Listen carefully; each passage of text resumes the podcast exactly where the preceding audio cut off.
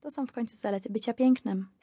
Oprócz tego, że poznaję mnóstwo fajnych facetów, również doznaję ciekawych przygód, których normalnie bym nie miała okazji doświadczyć.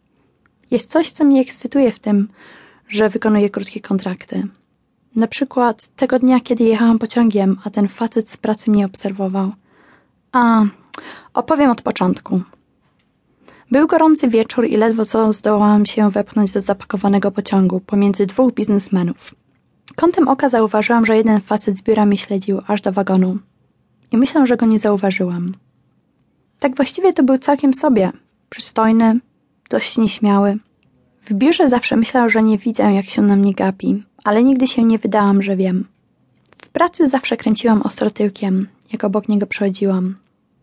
Dziewczyny w biurze nazywały go Dawid, a właściwie Dawid Duch, bo nigdy nie było wiadomo, czy się interesuje kobietami, czy też nie.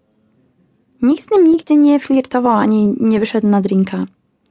Taki jakiś tajemniczy z niego facet. Wydawało mi się zawsze, że wygląda na inteligentnego.